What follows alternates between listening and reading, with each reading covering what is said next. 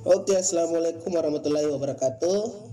Perkenalkan nama saya Muhammad Yusran, asal saya da asal saya dari Kabupaten Bone, Sulawesi Selatan, umur saya 18 tahun. Oke, kembali lagi di podcast saya yaitu podcast Koslet.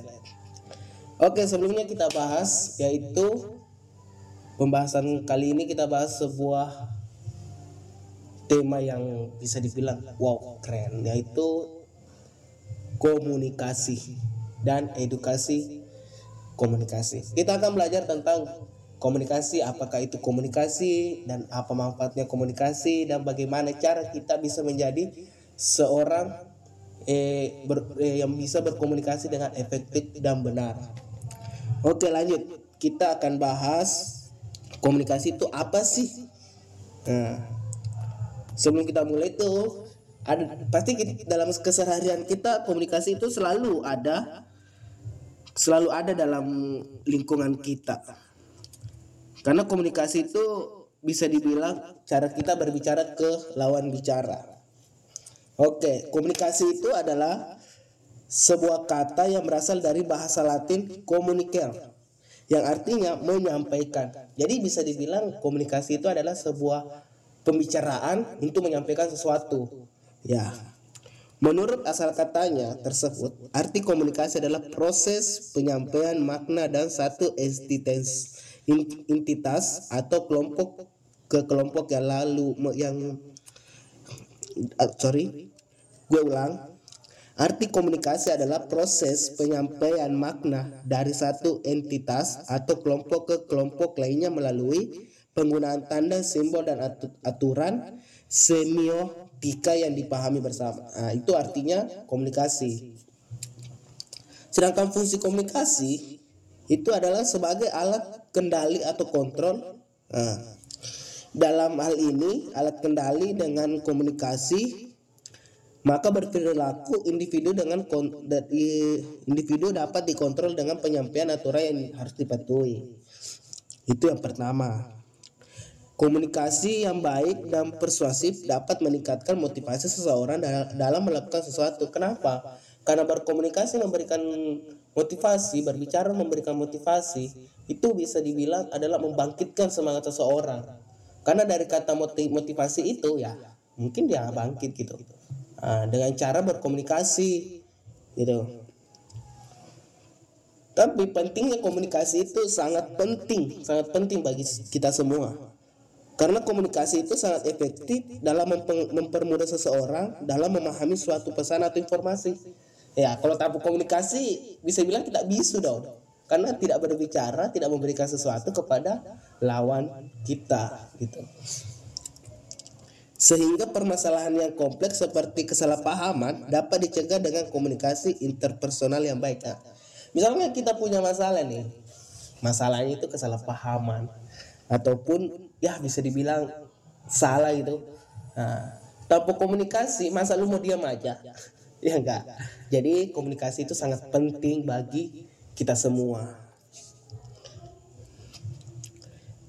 Menurut kompas.com, unsur komunikasi dibagi menjadi tujuh, yakni sumber atau komunikator. Nah, jadi komunikasi itu bisa dibilang sumber dan komunikator pesan, saluran atau media penerimaan atau komunika, akibat atau pengaruh umpan balik serta lingkungan. Ketujuh unsur tersebut sering juga disebut elemen atau komponen komunikasi. Uh, jadi maksudnya di sini bahwa komunikasi itu mempunyai tujuh tujuh unsur yaitu sumber atau komunikator, pesan, saluran atau media, penerimaan atau komunika, eh, atau pengaruh akibat pengaruh eh, yang ke enam itu umpan balik yang ketujuh serta lingkungan. Jadi unsur-unsur itu berkaitan semua dalam eh, dalam pembelajaran komunikasi. Oke kita lanjut. Kita selanjutnya oke okay guys kita selanjutnya bahas bagaimana sih cara menjadi ko eh, bagaimana sih cara berkomunikasi dengan baik gitu. Tipsnya itu tidak maksudnya tidak gampang loh. Tidak gampang karena berkomunikasi itu bukan sekedar berbicara ataupun menyampaikan bukan. Tetapi komunikasi itu apa ya berbicara secara eh, secara individu maupun kelompok sekarang gue bagi ini tips membangun komunikasi efisien dan efektif supaya teman-teman bisa berbicara dan pede gitu di depan umum untuk menyampaikan sesuatu dengan lewat komunikasi yang baik. Oke, kita lanjut. Tipsnya itu yang pertama mendengarkan lawan bicara. Ah, ini juga perlu. Sebelum kita memulai komunikasi, kita perlu mendengar lawan bicara kita. Kenapa? Kalau kita mendengar lawan bicara kita itu kita bisa mengambil sebuah kesimpulan atau pertanyaan. Jadi enggak usah repot-repot memikirkan lagi. Tadi bicaranya apa? Eh, gue lupa jawabannya apa. Eh, lupa pertanyaan kamu apa. Nah, jangan sampai kayak gitu. Maksudnya mati tengah jalan. Kenapa? Karena tidak mendengarkan lawan bicara kita dengan baik. Makanya tips-tipsnya ini kita harus mendengarkan lawan bicara kita dengan baik supaya kita bisa mengambil sebuah kesimpulan dan bisa menemukan sebuah pertanyaan yang dilemparkan kepada lawan bicara. Oke. Lanjut ke dua. Mengajukan pertanyaan. Nah, ini berkaitan juga dengan eh, poin yang pertama gitu karena setiap kita mendengarkan pembicaraan pasti ada pertanyaan itu mengajukan pertanyaan itu sangat penting juga kenapa untuk memulai sebuah komunikasi pasti adanya pertanyaan jadi komunikasi yang efektif itu juga memerlukan tanggapan dari pihak lain dan pernyataan yang telah disampaikan oleh lawan bicara memerlukan tanggapan. Jadi harus ditanggapi. Nah, tapi ingat kalau mau menanggapi sesuatu atau mau menanggapi oleh lawan bicara kita, kita itu harus men menjadi pendengar yang baik supaya bisa berkomunikasi dengan efektif dan efisien. Oke, lanjut ketiga. Memberikan informasi yang jelas. Jadi memberikan pertanyaan atau berbicara di depan umum itu enggak bukan sekedar berbicara doang, tapi harus jelas, tepat dan padat supaya orang-orang bisa memberikan tanggapannya juga benar. Nah, gitu. Jadi apa ya cara bicara kamu aja harus bagus memang kita pintar berbicara tapi ada teknik nah maka ini teknik harus juga dipergunakan dalam skill berbicara. Dalam berkomunikasi juga perlu menyampaikan informasi secara jelas sehingga tidak menimbulkan salah paham dari pihak lain. Nah, itu yang juga bisa jadi permasalahan kenapa? Jangan sampai kita berbicara berkomunikasi dan memberikan salah satu penyampaian yang eh, membuat kesalahpahaman. Ah itu bahaya. Iya. Keempat, mengombinasikan komunikasi verbal dan non-verbal. Komunikasi yang efektif itu juga membutuhkan komunikasi verbal dan non-verbal di saat bersamaan agar agar terciptanya komunikasi efektif. Gerakan non-verbal itu seperti mengangguk dan tersenyum. Ah, jadi bisa kita bilang bahwa verbal itu apa ya? Eh melalui penyampaian informasi atau tanggapan secara jelas kepada lawan bicara dengan cara berkomunikasi. Nah, jadi ini perlu juga sih, karena kita misalkan nih contoh kecil. Dalam sebuah rapat kita rapat, ketua sedang menjelaskan, nah, kita harus mendengarkan. Pada saat kita mendengarkan, kita tidak boleh memotong pembicaraan. Makanya kita gunakan nonverbal untuk membalas eh, eh, membalas apa ya? Membalas pembicaraan dari ketua dengan cara mengangguk atau tersenyum. Nah, ataukah menggeleng-gelengkan kepala terserah. Intinya tidak berbicara.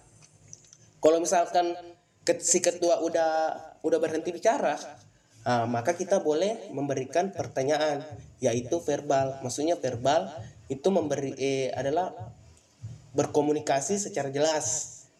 Uh, maksudnya berbicara lah. Kalau non verbal kan memberikan isyarat gitu. Oke? okay.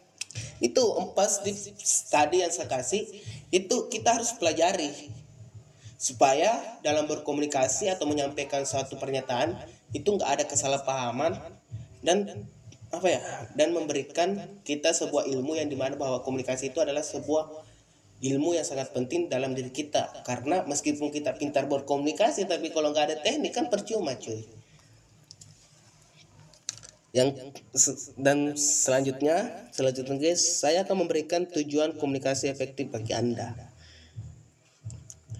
Tujuan komunikasi efektif itu ada beberapa ada beberapa tujuan atau ada beberapa yang bisa memengaruhi yang menaruh kepercayaan kepada anda. Ya sorry Apakah manfaat bagi Anda dan lawan lawan bicara dan bagaimana dampaknya? Ya, pasti kita akan merasa bahwa, bahwa menjalani komunikasi efektif dengan lawan bicara bisa menciptakan suasana komunikatif.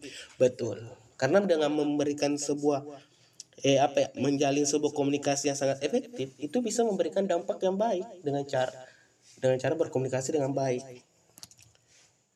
Gue bakal kasih tipsnya yaitu yang pertama, membangun kepercayaan. Nah, ini penting.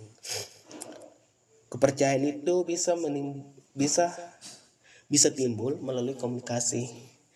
Sebab kenapa? Apabila kita mendengarkan lawan bicara atau memberikan nasihat ketika diminta, maka lawan bicara bisa menaruh kepercayaan kepada Anda. Tidak semua orang membutuhkan nasihat atau tanggapan.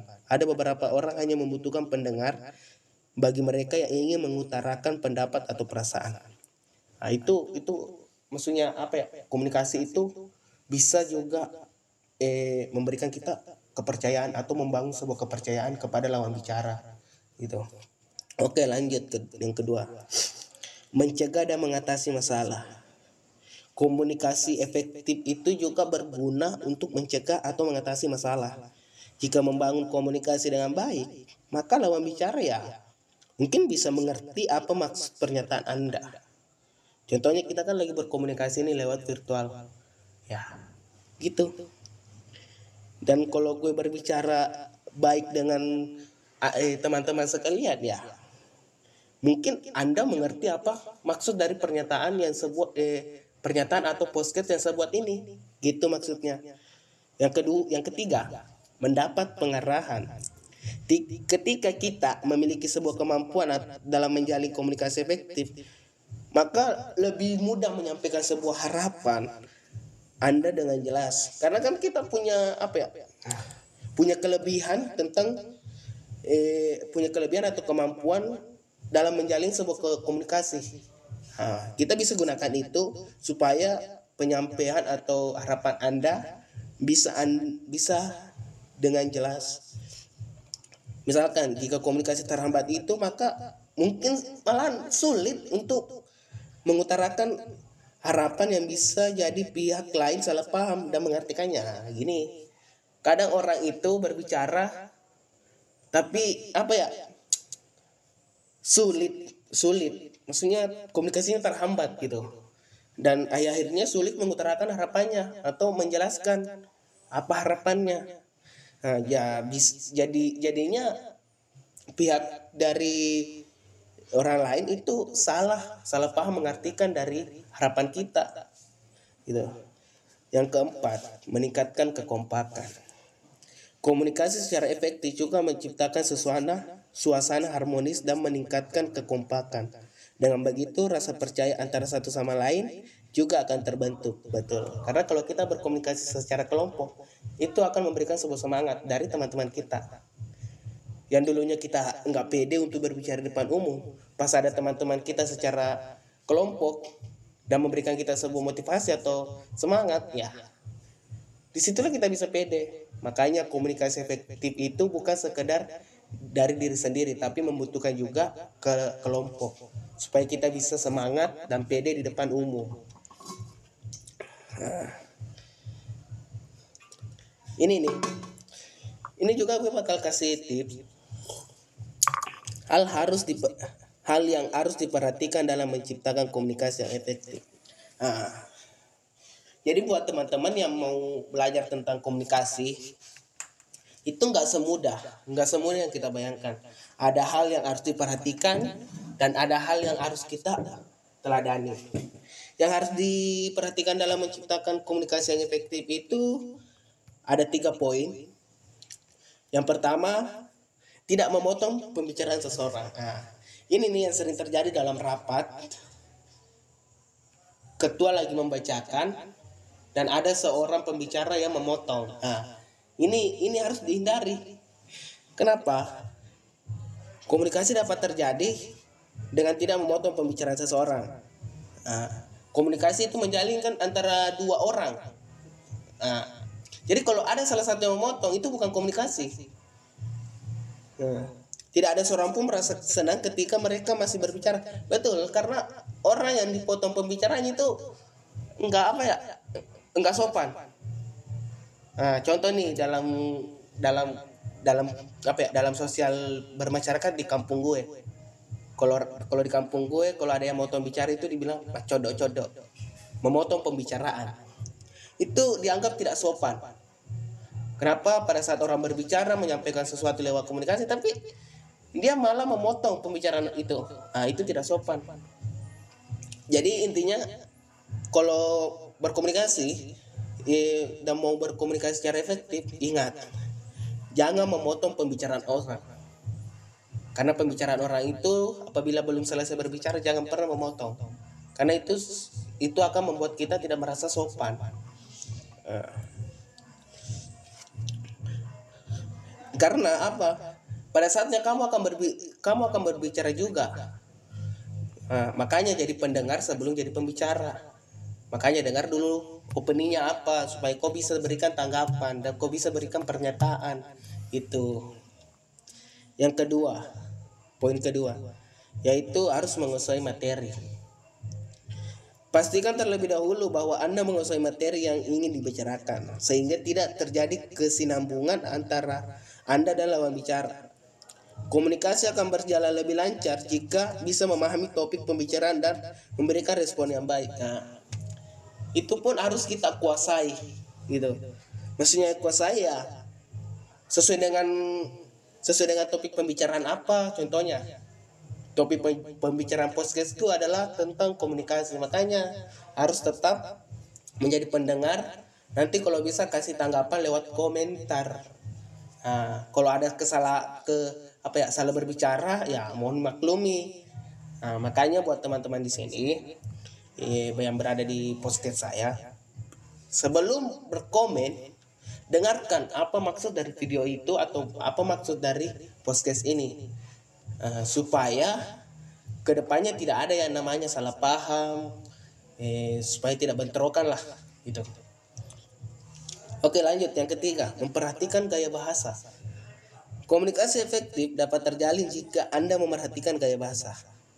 Hal ini terbilang cukup penting sebab Anda harus memperhatikan gaya bahasa lalu menyesuaikan dengan siapa lawan bicara saat itu.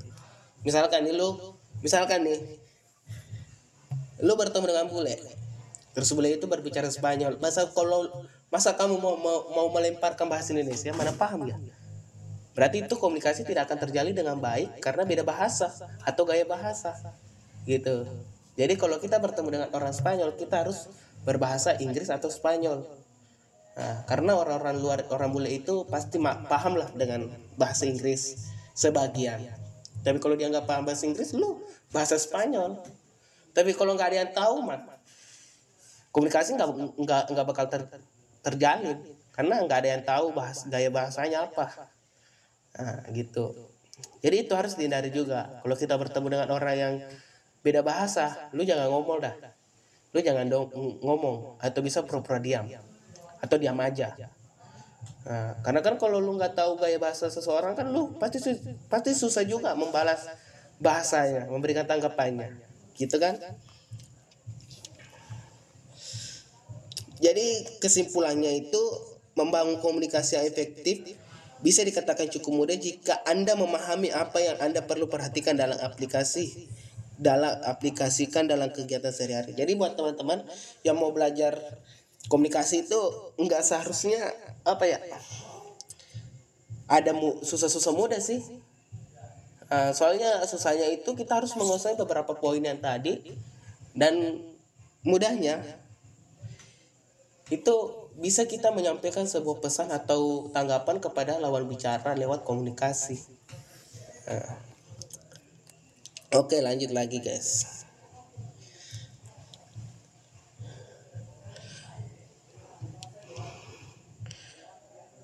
Oke kita lanjut. Komunikasi adalah mengetahui apa yang dimaksud dengan komunikasi. Oke.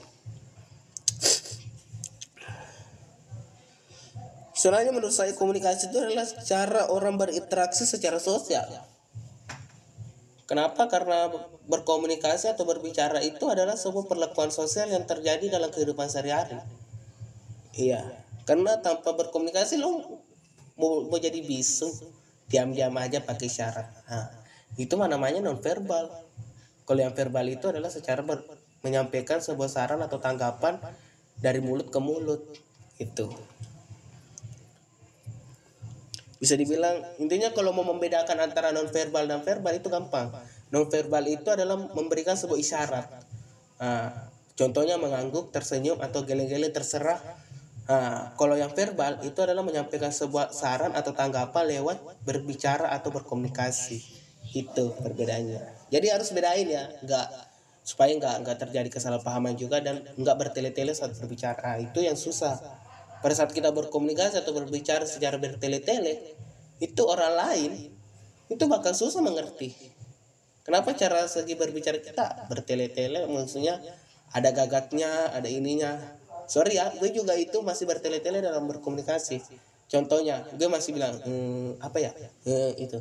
Dan gue itu masih belum bisa menguasai semuanya. Tapi yang namanya belajar itu emang butuh proses yang lama. Tapi ujung-ujungnya kita bakal kuasai semua kok. Kalau kita mau masih mau belajar. Oke buat teman-teman sekalian, mungkin podcast ini terakhir ya. Tunggu episode keduanya. Oke buat buat teman-teman, assalamualaikum warahmatullahi wabarakatuh. Semoga sehat-sehat selalu.